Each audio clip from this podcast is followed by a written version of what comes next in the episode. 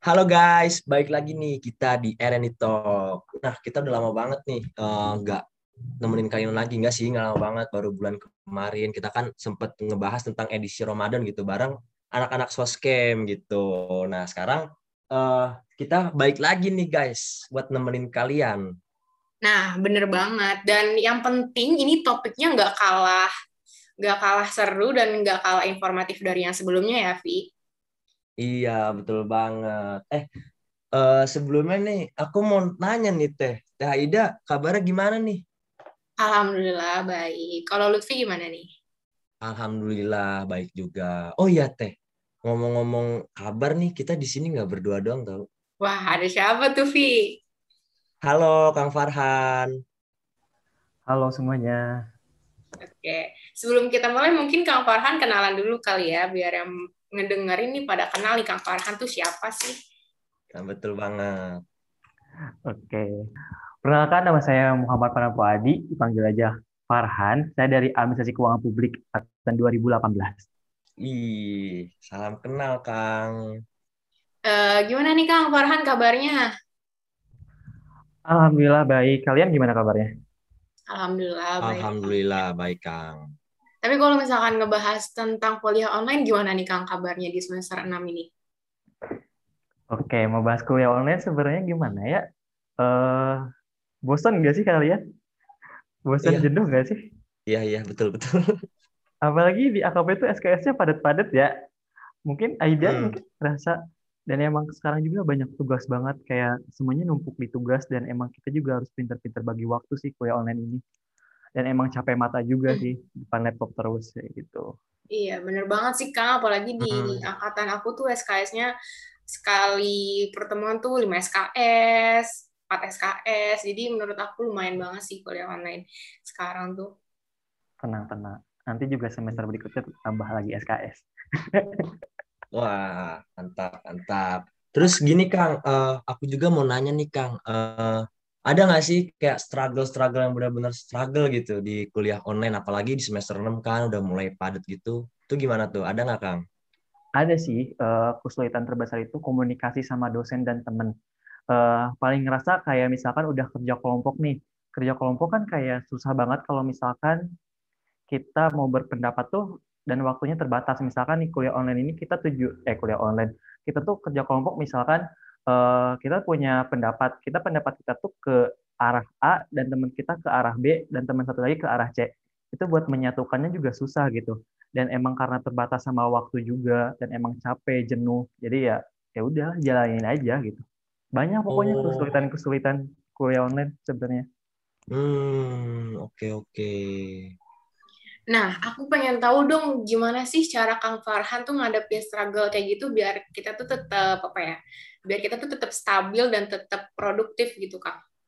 Oke, kalau misalnya ngadepin dari saya mungkin ya kasarnya ya sabar aja gak sih ngadepin kesulitan kayak gini ya mau gimana lagi gitu ya. Maksudnya ini udah kayak ya udah udah jalannya harus kayak gini jadi harus nikmatin aja. Mungkin buat ngadepin ngadepin eh, kesulitannya yang paling kita ngebenahin komunikasi sama teman-teman kita sebaik mungkin ya seefektif mungkin gitu ngejalaninnya. Terus kalau masalah tentang bosen, jenuh, ya paling kalau saya ngelakuin hal-hal yang emang bikin hal diri ini lebih ini gitu lebih kayak eh, terhibur gitu banyak kok kayak nonton YouTube main IG TikTok atau Hmm. lain-lainnya main games juga bisa Oke. Nggak- pokoknya kuliah online tuh jangan jadi beban kayak oke lah pad- oke kita padat semua Eh, kuliah online tuh kayak padat lah matkulnya tugasnya tapi kita juga butuh liburan kan Nah, apalagi kalau misalkan yang jomblo nih yang jomblo kan gak punya pacar gitu mau teleponan mau apa kan kayak aduh sama siapa ya gitu kan Iya betul yang Kang. penting kita main-main kayak nonton YouTube aja, main games atau apalah banyak kok. Oke, Hmm. berarti intinya di kuliah online ini kita harus pintar-pintar beradaptasi kali ya, Kang. Iya, Biar kita tuh bawanya lebih enjoy dan lebih fun gitu. Iya, benar benar berat teh kayak kita bawanya dengan enjoy gitu kuliah. Oh iya, Kang. Eh, kan Kang Farhan udah di semester 6 nih. Nah, setahu aku tuh mahasiswa udah di semester 6 tuh udah mulai-mulai magang kan. Nah, kalau di AKP sendiri tuh prosedur magang tuh kayak gimana, Kang? Kalau boleh tahu. Oke, mungkin eh, sebelum ke prosedur magang, mungkin eh, yang kamu bilang tadi, semester 6 ini mahasiswa udah mulai magang. Sebenarnya semester 6 itu mulai magang itu kebilangnya telat sebenarnya. Magang itu idealnya itu semester 5 sebenarnya. Semester 5 ini kita udah punya punya kemampuan ya maksudnya di kemampuan di mata kuliah kita udah terpenuhi dan emang mau magang juga kita harus punya tujuan. Nah, di semester 5 ini, misalkan semester 5 juga kita manfaatin hari libur kan, hari libur yang dua bulan hmm. itu kita manfaatin buat magang-magang ini yang mempunyai tujuan. Misalkan tujuannya kayak saya tujuannya itu buat cari bahan skripsi cari bahan buat fenomena di latar belakang. Karena buat nulis fenomena di latar belakang itu kita nggak segampang kayak bikin proposal atau apa. Jadi kita harus mempunyai fakta-fakta atau data yang emang harus kuat yang nanti kita bisa pertanggungjawabkan pas sidang kayak gitu. Nah kalau misalkan magang idealnya buat uh, cari pengalaman itu di semester 4 juga udah bisa sebenarnya tapi hmm. kalau misalkan magang di semester 4 dan kalian belum mampu, mending nggak usah misalnya. Ya magang nanti di semester 5 aja. Kalau semester 6 menurut, menurut aku mah paling itu kayak telat aja sih. Karena semester 6 kita udah nyusun juga kan. Kayak malah nanti kalian bagi waktunya malah susah kayak gitu. Terus oh. sebenarnya prosedur buat magang di AKP itu gampang, saya paling gampang lah kalau di AKP kata saya. Pertama itu kalian harus pastiin dulu nih ke perusahaannya. Misalkan nih, saya waktu itu ke pemerintahan Bapenda. Saya datang dulu ke pemerintahan Bapenda, tanya, Pak, apakah di sini bisa magang? Kalau misalnya mereka jawab bisa, nah tanya, apa persyaratannya? Persyaratannya biasanya surat keterangan dari UNIP. Nah, biasanya juga si bapak-bapak yang di uh, yang saya hubungin buat magang itu kadang-kadang suka suka nanya ke kita, misalnya uh, tujuan magangnya buat apa, terus kalian emang udah belajar apa aja, udah menguasai apa aja, kayak gitu itu salah satu yang emang kita harus persiapin sebelum kita nanya ke ke instansinya juga. Nah, misalkan nih uh, pertanyaannya kayak gini, Lutfi kamu udah belajar apa aja selama di AKP gitu? Kenapa kamu mau magang kayak gitu? Emang kamu udah menguasai apa aja? Itu juga pertanyaan yang emang uh, bukan formalitas sih pertanyaan dasar yang emang buat persiapan magang juga. Nah, terus kalau misalkan udah nih sama si bapaknya suruh disuruh kita bikin surat keterangan, nanti kita hubungin Pak Denny pihak SBA Fakultas. Nah nanti mungkin teman-teman teman-teman AKP di sini bisa minta kontaknya ke Akang Teteh Hima mungkin ya buat kontak Pak Denny. Nanti Pak Denny itu hubungi aja lewat WA.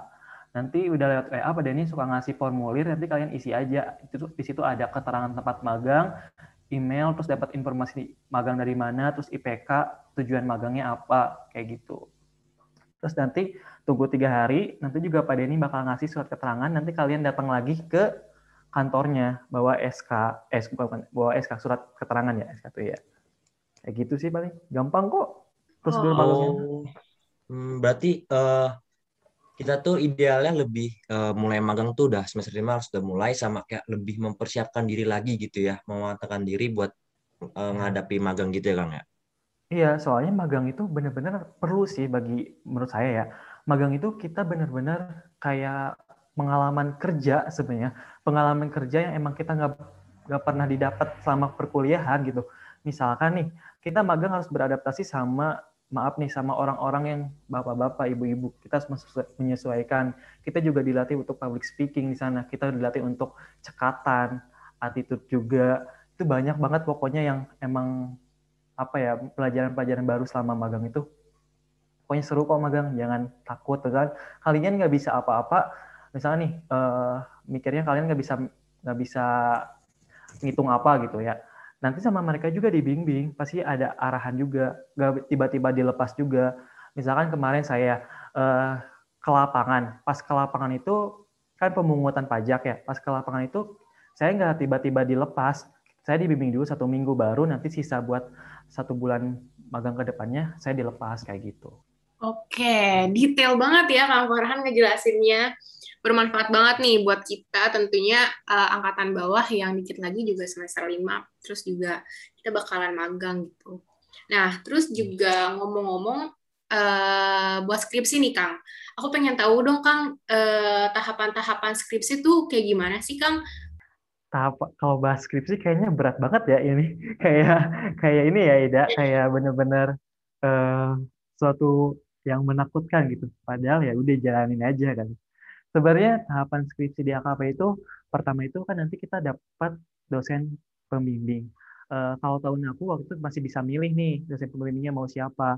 Tapi nggak semuanya apa ya maksudnya hasil hasil yang kita pilih itu hasil akhirnya bakal sama yang kita pilih jadi misalnya contoh nih waktu itu aku milih dosen pembimbingnya itu si X nah pas hasil akhirnya itu keluarnya bukan si X tapi malah yang lain gitu jadi milih-milih dosen pembimbing itu kayak semacam form bukan formalitas tapi kayak untung-untungan aja gitu tapi tetap kita harus maksimalin juga buat milih dosen pembimbing.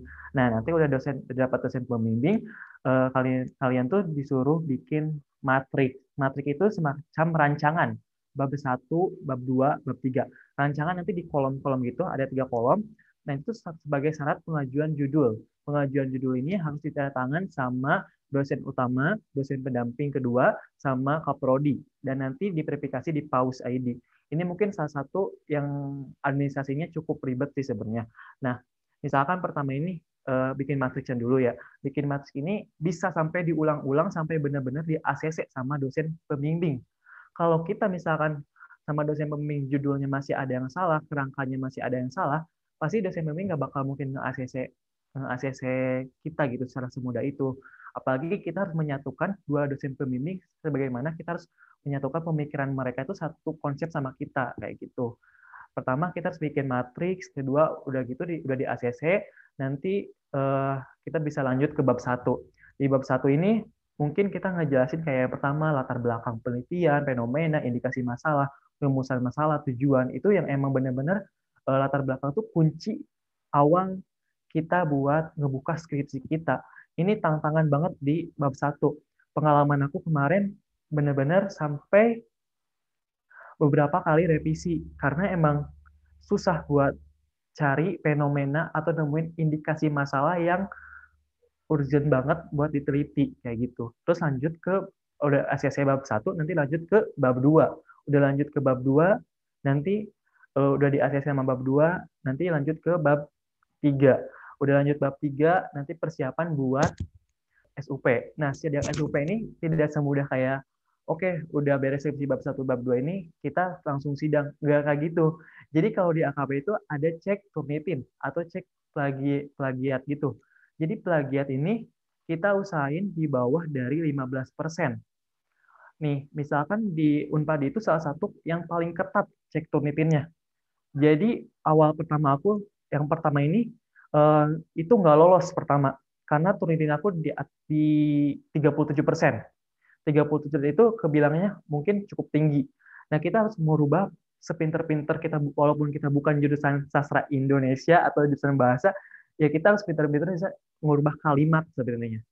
Pokoknya kita harus beda sama yang ada di skripsi-skripsi sebelumnya kayak gitu. Terus abis itu kalau kita udah dinyatakan lolos baru nanti kita baru bisa sidang SUP kayak gitu. Oh, ih, rinci banget nih. Tapi makasih banyak loh, Kang. Uh, aku dapat pengetahuan baru sih dari yang tadi yeah. akan jelasin. Pokoknya oh ya, hati -hati uh, aja sih. iya bener-bener. Terus uh, kan denger-denger nih aku uh, Kang Farah juga udah mulai SUP kan. Nah, aku juga kan ngeliat dari temen-temen tuh di IG uh, cukup banyak gitu uh, ngekongresin Kang Farhan gitu kan. Nah, uh, kalau boleh Iya. Nah, kalau boleh tahu tuh uh, judulnya apa sih Kang yang akan angkat tuh? Terus kenapa milih judul itu? Coba tebak judulnya, Pak. Jujur sudah tahu sebenarnya.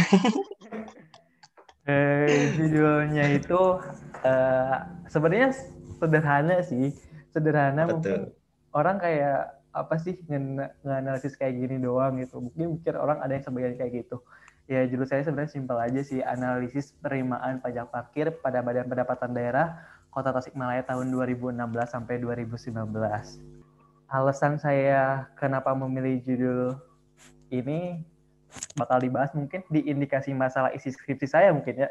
Mungkin ini rada berat sih pembahasan pembahasannya kalau misalkan ditanya kenapa memilih judul itu karena memilih judul itu sebenarnya gak gak semudah kayak uh, ngetik judul kalian bikin caption gitu. Jadi harus ada masalahnya dulu yang harus diungkit dan akhirnya jadiin judul tersebut. Sebenarnya nih ada nih indikasi masalah kenapa saya memilih judul analisis penerimaan pajak parkir. Ada tiga pembahasan. Pertama, yang di mana eh, penerimaan pajak parkir kayak sebelumnya pada tahu nggak sih penerimaan pajak parkir itu penerimaan dulu deh. Penerimaan pajak parkir itu bersangkutan dengan uang atau non uang? Dari sih, uang kan?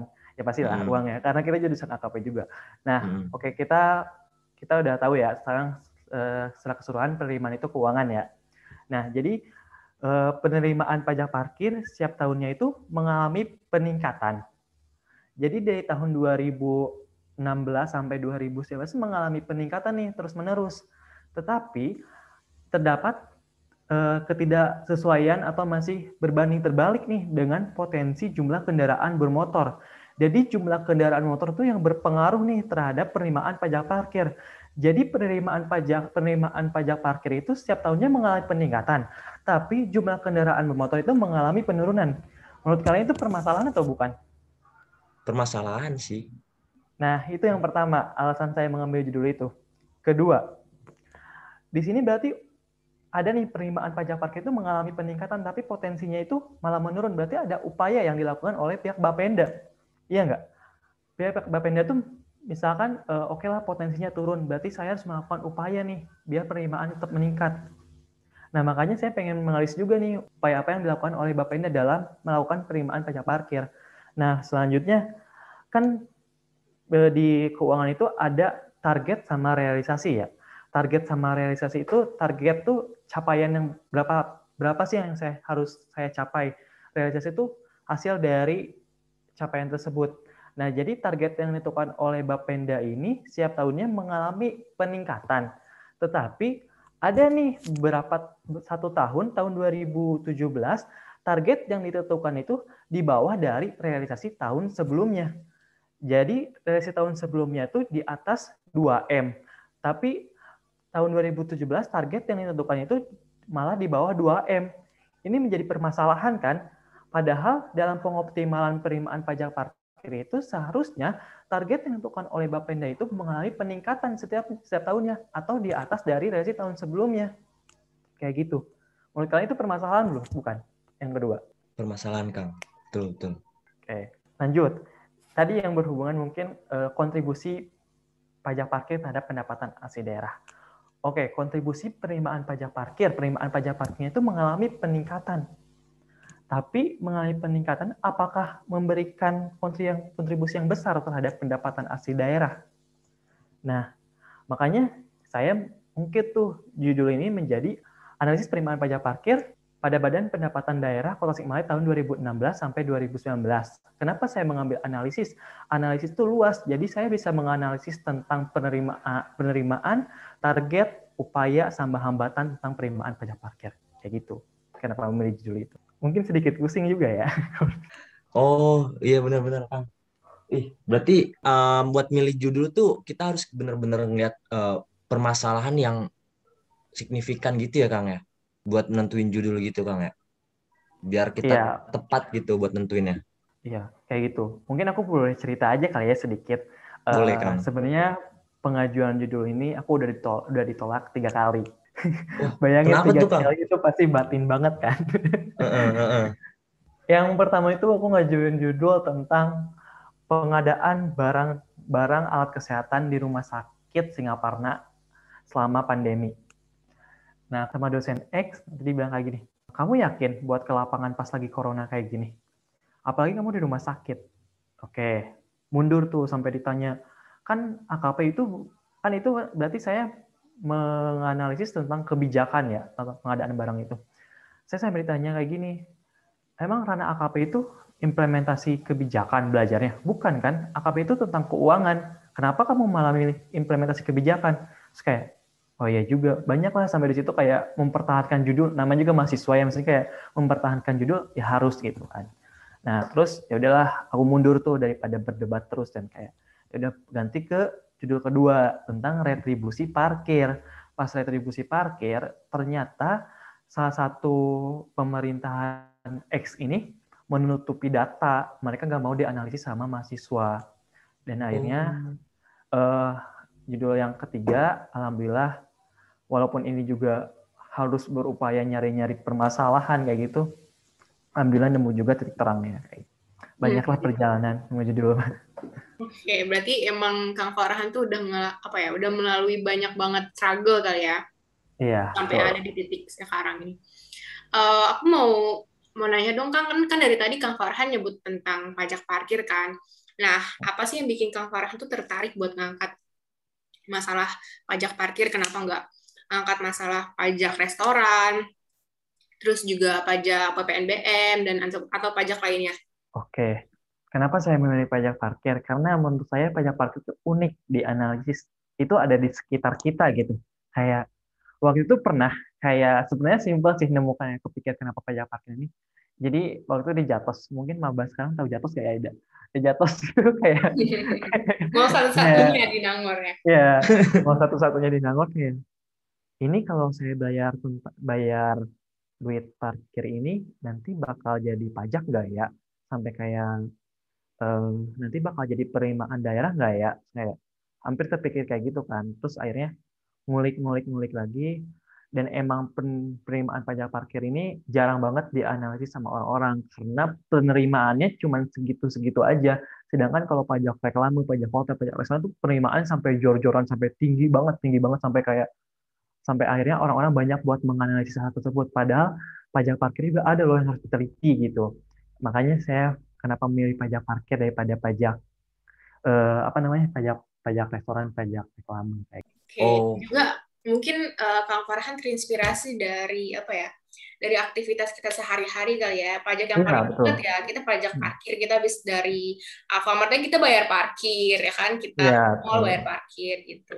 Mantap mantap Kang oh iya mau nyampein juga nih sebelum nanti lebih jauh mungkin ya.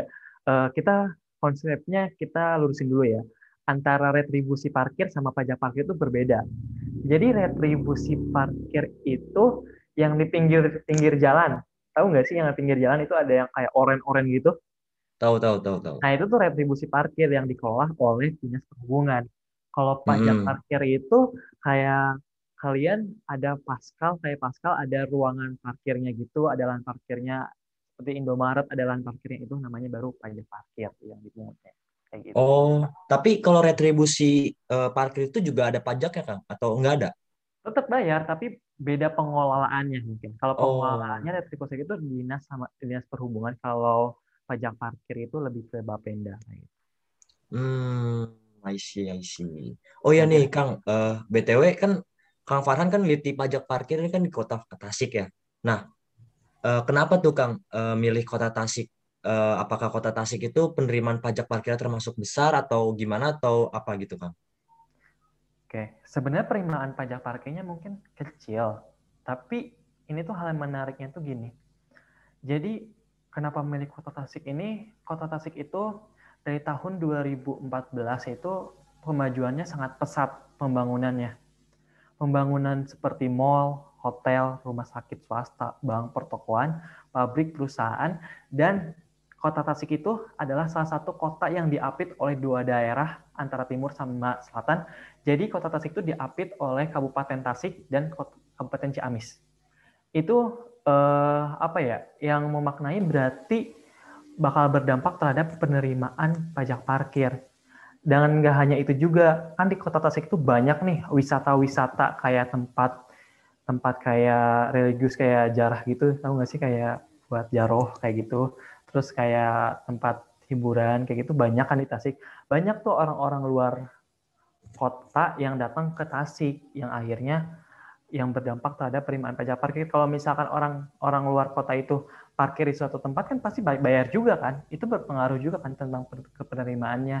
Jadi intinya mah eh, karena pembangunan kota Tasik mengalami peningkatan terus-menerus sama jumlah kendaraan bermotor juga walaupun nggak meningkat tapi ada gitu, ada sedikit apa ya maksudnya tetap walaupun turun tapi nggak turunnya tuh nggak begitu signifikan tapi ya udah fluktuatif kayak gitu kayak gitu sih paling milih kota Tasik tuh gara-gara itu Oh ya, tadi kan uh, Kang Farhan nge-mention kan tentang penerimaan pajak parkir gitu kan di Kota Tasik. Nah, pasti ada kan uh, potensi-potensi yang bikin apa ya penerimaan pajak parkir itu berdampak gitu. Nah, kira-kira apa aja sih Kang? Mungkin tadi berhubungan juga sih sama pertanyaan yang tadi kan potensi-potensi pajak parkir itu banyak sebenarnya. Pertama, ini tadi jumlah jumlah pembangunan. Kedua, jumlah kendaraan bermotor. Jumlah kunjungan orang luar daerah yang masuk ke kota Tasik. Terus ketiga, eh, Tasik itu sebagai jalur lintasan antara penghubung antar daerah juga itu berdampak. Terus juga luas per, lahan perparkiran. Kalau misalnya kita lebih luas kayak memiliki suatu lahan perparkiran ya, berarti penerimaan juga bakal mengalami peningkatan. Oke, berarti banyak ya potensi-potensi yang uh, apa ya, yang berdampak pada penerimaan pajak parkir gitu kan? Iya, dampaknya banyak banget sih sebenarnya. Tapi intinya jumlah kendaraan bermotor yang menurut aku yang sampai sekarang aku pegang itu jumlah kendaraan motor itu salah satu yang dampak terbesarnya.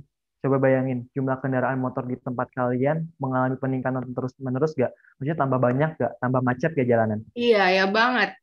Nah itu tuh salah satu yang bakal berdampak terhadap penerimaan pajak parkir juga. Hmm. Ih, tapi jujur sih di sini bener-bener ini sih ramai banget gitu. Uh, motor jadi makin macet gitu.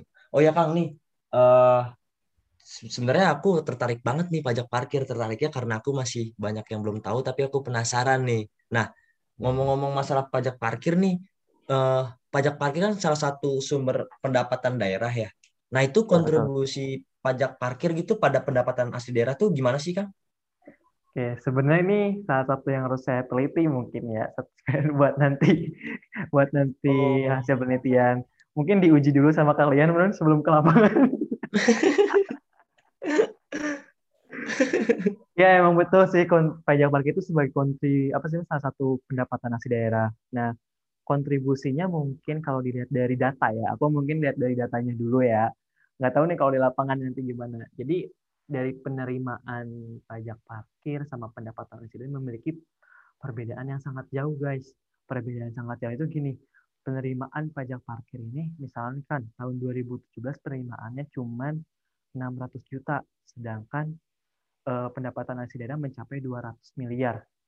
Berarti kalau dihitung pakai rumus rasio kontribusi, kalian nanya rasio, tentang kontribusi berarti udah tahu rumus rasio kontribusi dong.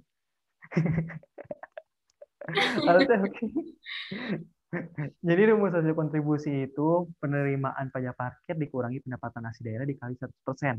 Nanti dimasukin tuh ke kriteria. Kriterianya itu kurang, sedang, cukup baik, baik, sangat baik.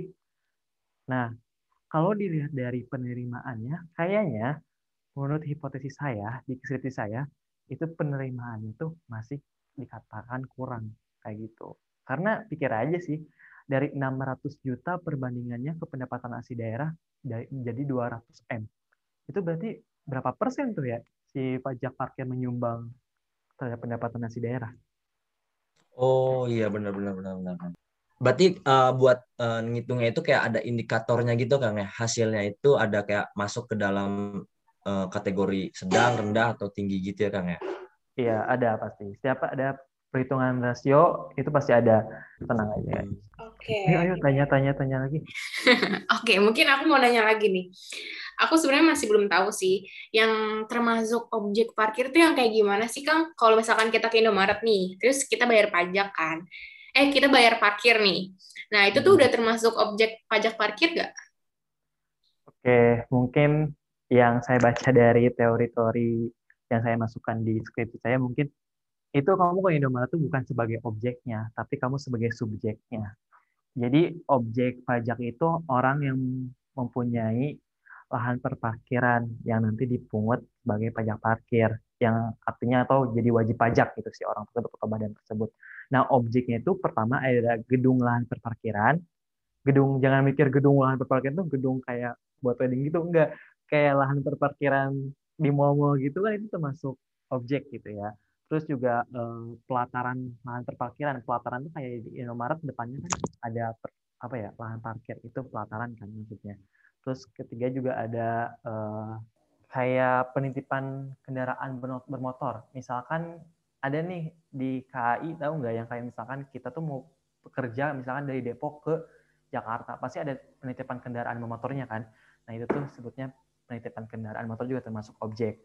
Nah, lalu subjeknya nih, subjeknya itu apa? Ya subjeknya tadi kata kalian sebutin kalau kalian bayar di Indomaret, itu orang yang membayar parkir kayak gitu. Terus wajib pajaknya itu siapa? Wajib pajaknya itu orang yang mempunyai lahan perparkiran tersebut kayak gitu.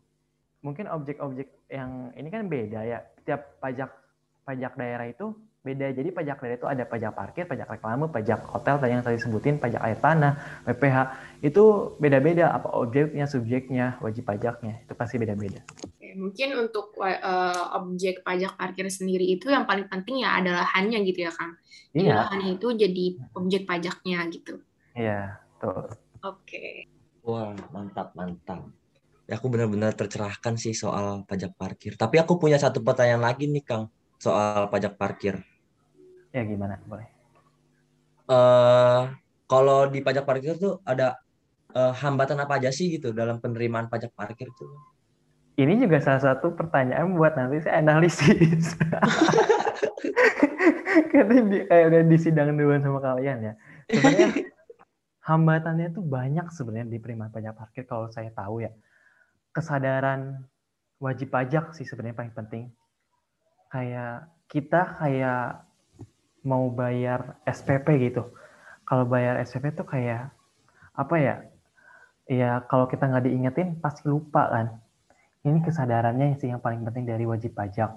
Terus tadi itu hambatan ya misalnya tuh ya. Terus juga di pihak Bapendanya tuh masih kalau yang saya tahu ya mungkin kekurangan sumber daya manusia kayak gitu itu juga salah satu hambatan terus ada kebocoran. Jadi kebocoran tuh istilahnya gini kebocoran tuh ada pajak parkir itu yang nggak pakai tiket. Ada yang pakai tiket. Kalau kalian ke parkir di bank kayak bank-bank gitu misalnya bank bank ke X coba kalian amatin. Di bank X itu ada kayak tiket parkirnya nggak? Enggak kan misalkan nggak ada nih misalkan. Nah sedangkan di suatu mall itu ada tiket parkirnya. Nah yang kata kalian nih yang rawan untuk kebocoran tuh bank atau yang mallnya itu yang ada tiket parkirnya? Bank nggak sih kang? Ya betul. Pinter ya. kamu kayaknya udah lulus aja. Tinggal lulus iya pengen lulus ini. Iya bang. Jadi itu sih hambatan. Misalkan gini ya kasarnya. Kalau kita nggak pakai tiket nih sama juru parkirnya kayak ya udah kamu bayar 2000 disakuin nanti kan si juru parkirnya nyetorin ke si perusahaannya misalnya. Nanti kan ada misalkan ada yang kepake sama dianya. Mungkin kepake secara sadar atau tidak sadar yang mempengaruhi penerimaan pajak parkir. Kayak gitu. Banyaklah hambatannya. Mungkin saya juga belum menganalisis jadi cuma tahu segitu-gitu aja. Oke oke. Tapi udah ini sih Kang udah uh, walaupun sedikit juga udah mulai tergambarkan sih di akunya kayak oh ini loh hambatan-hambatan apa hambatan yang ada di pajak parkir penerimaannya gitu. Iya benar-benar. Terus uh, tapi setelah yang aku uh, pertanyakan gitu, aku sama Teh Haida bener-bener sih aku kayak tercerahkan gitu soal pajak parkir dan mulai mencoba mengetahui lagi gitu dari semester 2 gitu ya magang tuh kayak apa skripsi tuh apa kayak pengen bener-bener nyiapin dari awal banget gitu biar nanti ke depannya itu ya udah jauh lebih ringan lah gitu ya bebannya gitu buat skripsi atau magang gitu. Tapi thank you banget sih Kang atas info-infonya gitu Kang. Iya. Aku mau ngasih info beberapa nih ini sebenarnya. Apa tuh Kang? Pas persiapan sidang kali ya, aku mau ini mau infoin juga mungkin buat jadi bahan pelajaran juga. Oh iya apa tuh Kang? Gimana gimana? Pas sidang ini banyak banget kejutan-kejutan yang emang kita tidak terduga ya maksudnya. Uh, kita dikasih tahu sidang itu hamin hamin tiga hamin empat udah dapat dosen penguji kalau udah dapat dosen penguji usahain jangan panik. Soalnya pengalaman aku aku malah panik sebenarnya. Sampai akhirnya hmm. kayak kayak aduh ini gimana ya? Sampai benar-benar takut ngeblank gitu kan. Nah walaupun kondisinya kayak gitu dosen penguji kita misalkan menyeram bukan menyeramkan sih istilahnya kayak yang kalian gak harapkan gitu ya istilahnya. Tetap kalian harus persiapkan kondisi terburuk kondisi terburuk ini kalian harus menyiapkan argumen apa yang harus kalian keluarkan saat sidang. Dan ingat mainin logika. Walaupun di skripsi kita nggak dicantumin tapi kita harus hmm. bisa ngomong. Pokoknya kita harus jago ngomong pas sidang ini. Uh, hmm. kalau istilahnya mau nyari aman oke okay, cari aman. Kalau misalkan ada yang kita dikasih saran sama dosen pembimbing sama penguji bilang iya pak akan saya masukkan. Baik pak kayak gitu. Tapi dengan dasar masih apa ya masih kita sanggupin gitu. Kalau misalkan kita nggak sanggupin tanyain lagi pak kalau misalkan saya nggak sanggup tapi saya punya alternatif ini loh pak buat uh, memecahinnya kayak gini. Itu kayak gitu. Terus pokoknya intinya harus siapin kondisi terburuk. Mau sidang kalian sesantai apa pun nantinya tapi kalian tetap nyiapin buat kondisi terburuk kalian. Terus pas sebelum sidang siapin presentasi atau siapin PPT yang emang semaksimal mungkin yang semenarik mungkin jangan asal-asalan karena ini pengalaman pertama dalam hidup gitu. Maksudnya kayak kita kapan lagi gitu bisa sidang kayak gini walaupun online gitu tetap ada rasa deg-degannya kayak gitu. Pokoknya pokoknya pas mau sidang harus melakukan hal-hal yang emang terbaik di hari itu. Kita udah jauh udah udah mempersiapkan berbulan-bulan kita udah perjuangan perih perih pahit manis gitu kayak udah ngerasain Hmm. dan kita gagal pas sidang cuman sidang 10 menit satu jam kita gagal itu kayak aduh rasanya kayak kacau kan kalau hmm. kita berhasil dalam satu jam itu ngeliatin sidang dan emang walaupun kita banyak hambatan atau banyak koreksi kesalahan dan emang dinyatakan lulus itu rasanya punya kebanggaan sendiri gitu pokoknya harus harus bisa menguasai skripsi kita menguasai PPT kita. Jangan usahain jangan baca pokoknya harus ada di luar kepala. Bener-bener kita hafal semua yang kita mau sampaikan. Kalau ditanya sama dosen jangan jawab ragu-ragu. Jawab yang emang kalian bisa. Jangan ditanya, kalau ditanya jangan hmm, jangan hmm, hmm, jangan kayak gitu. Malah dosen penguji itu malah kayak nyecer abis. Bukan nyecer abis-abisan sih kayak malah curiga nih kalau jangan-jangan skripsi kita tuh dari orang lain atau dibuatin sama orang lain kayak gitu. Pokoknya jawab aja sepede mungkin. Walaupun kita kayak hmm. aduh kita kurang tahu nih misalnya ditanya tentang X misalkan. Bahkan kita kurang tahu. Tapi kalian ingat-ingat lagi aja misalnya yang emang mirip-mirip menyerepet menyerepet ke hal tersebut kayak gitu. Pokoknya oh, sematang mungkin ya. Hmm, berarti kayak lebih percaya diri aja gitu ya kayak bersama persiapkan lagi gitu ya Kang ya iya jadi harus persiapan banyak-banyak persiapan. Jadi pengalaman aku, aku udah ngejajarin nih kertas di meja argumen-argumen-argumen tersebut. Tapi itu semua argumen nggak ada yang aku baca. Bener-bener karena kita udah karena kita udah kalau kita udah nguasain pasti automat kayak auto gitu loh kayak tiba-tiba kita ngomong gitu. Hmm. Walaupun ngomong kita tuh yang nggak tahu ngomong kita tuh ke mana gitu. Tapi yang penting ngomong kita ke arah yang si bapak tuju gitu atau si ibu yang tuju gitu. Pokoknya hmm. intinya jangan sidang itu jangan dibuat satu ketakutan walaupun emang takut tapi kalau kita udah percaya diri insya Allah pasti dosen penguji juga nggak bakal banyak nanya nggak bakal nggak bakal banyak koreksi pokoknya intinya pas presentasi kalian pede aja jebret jebret pokoknya semangat lah wah mantap nggak sih teh Mantep banget ya, berarti emang benar-benar harus well prepare banget nih kita sebelum sidang. Terus juga wajib banget nih kita nguasain topik yang kita angkat, terus juga harus tenang. Nantinya kalau misalkan kita panik kan nanti bakal ngeblank gitu kan. Hmm. Latihan juga tuh sama teman-teman Hamin tiga juga latihan kayak kayak kita bikin pertanyaan-pertanyaan yang emang bakal ditanyain sama dosen itu juga salah satu solusi buat menangin kita buat nanti sidang. Jujur sebenarnya Kang tadi pas akan bilang gitu uh, emang cukup menyeramkan ya, tapi emang mau nggak mau kita emang harus lalui gitu ya Kang ya. Cukup menyeramkan harus terlewati. Kalau misalnya mau gelar sarjana terapan AKP ya harus melewati hal tersebut. Iya betul betul betul. Banyak lah pokoknya. Kalau diceritain mah banyak lah pahitnya, manisnya. Ya intinya mah kita harus tetap minta doa ke orang tua. Oke kak. Gimana nih teh? Ada yang mau ditanyain lagi nggak sih teh? Aku sih udah cukup gitu karena benar-benar udah tercerahkan gitu.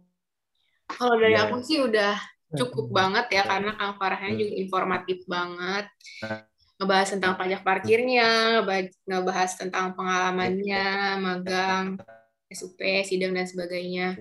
Oke, mungkin uh, ini kita udah ngobrol panjang ya. Aku udah dapat info banyak banget nih dari Kang Farhan sampai sedetail itu tentang pajak parkir juga, tentang magang juga, sidang juga. Kalau dari Lutfinya gimana nih, Vi? Iya, betul banget, Teh. Dan ini juga bisa buat gambaran sih, Teh, buat angkatan di bawahnya Kang Farhan gitu.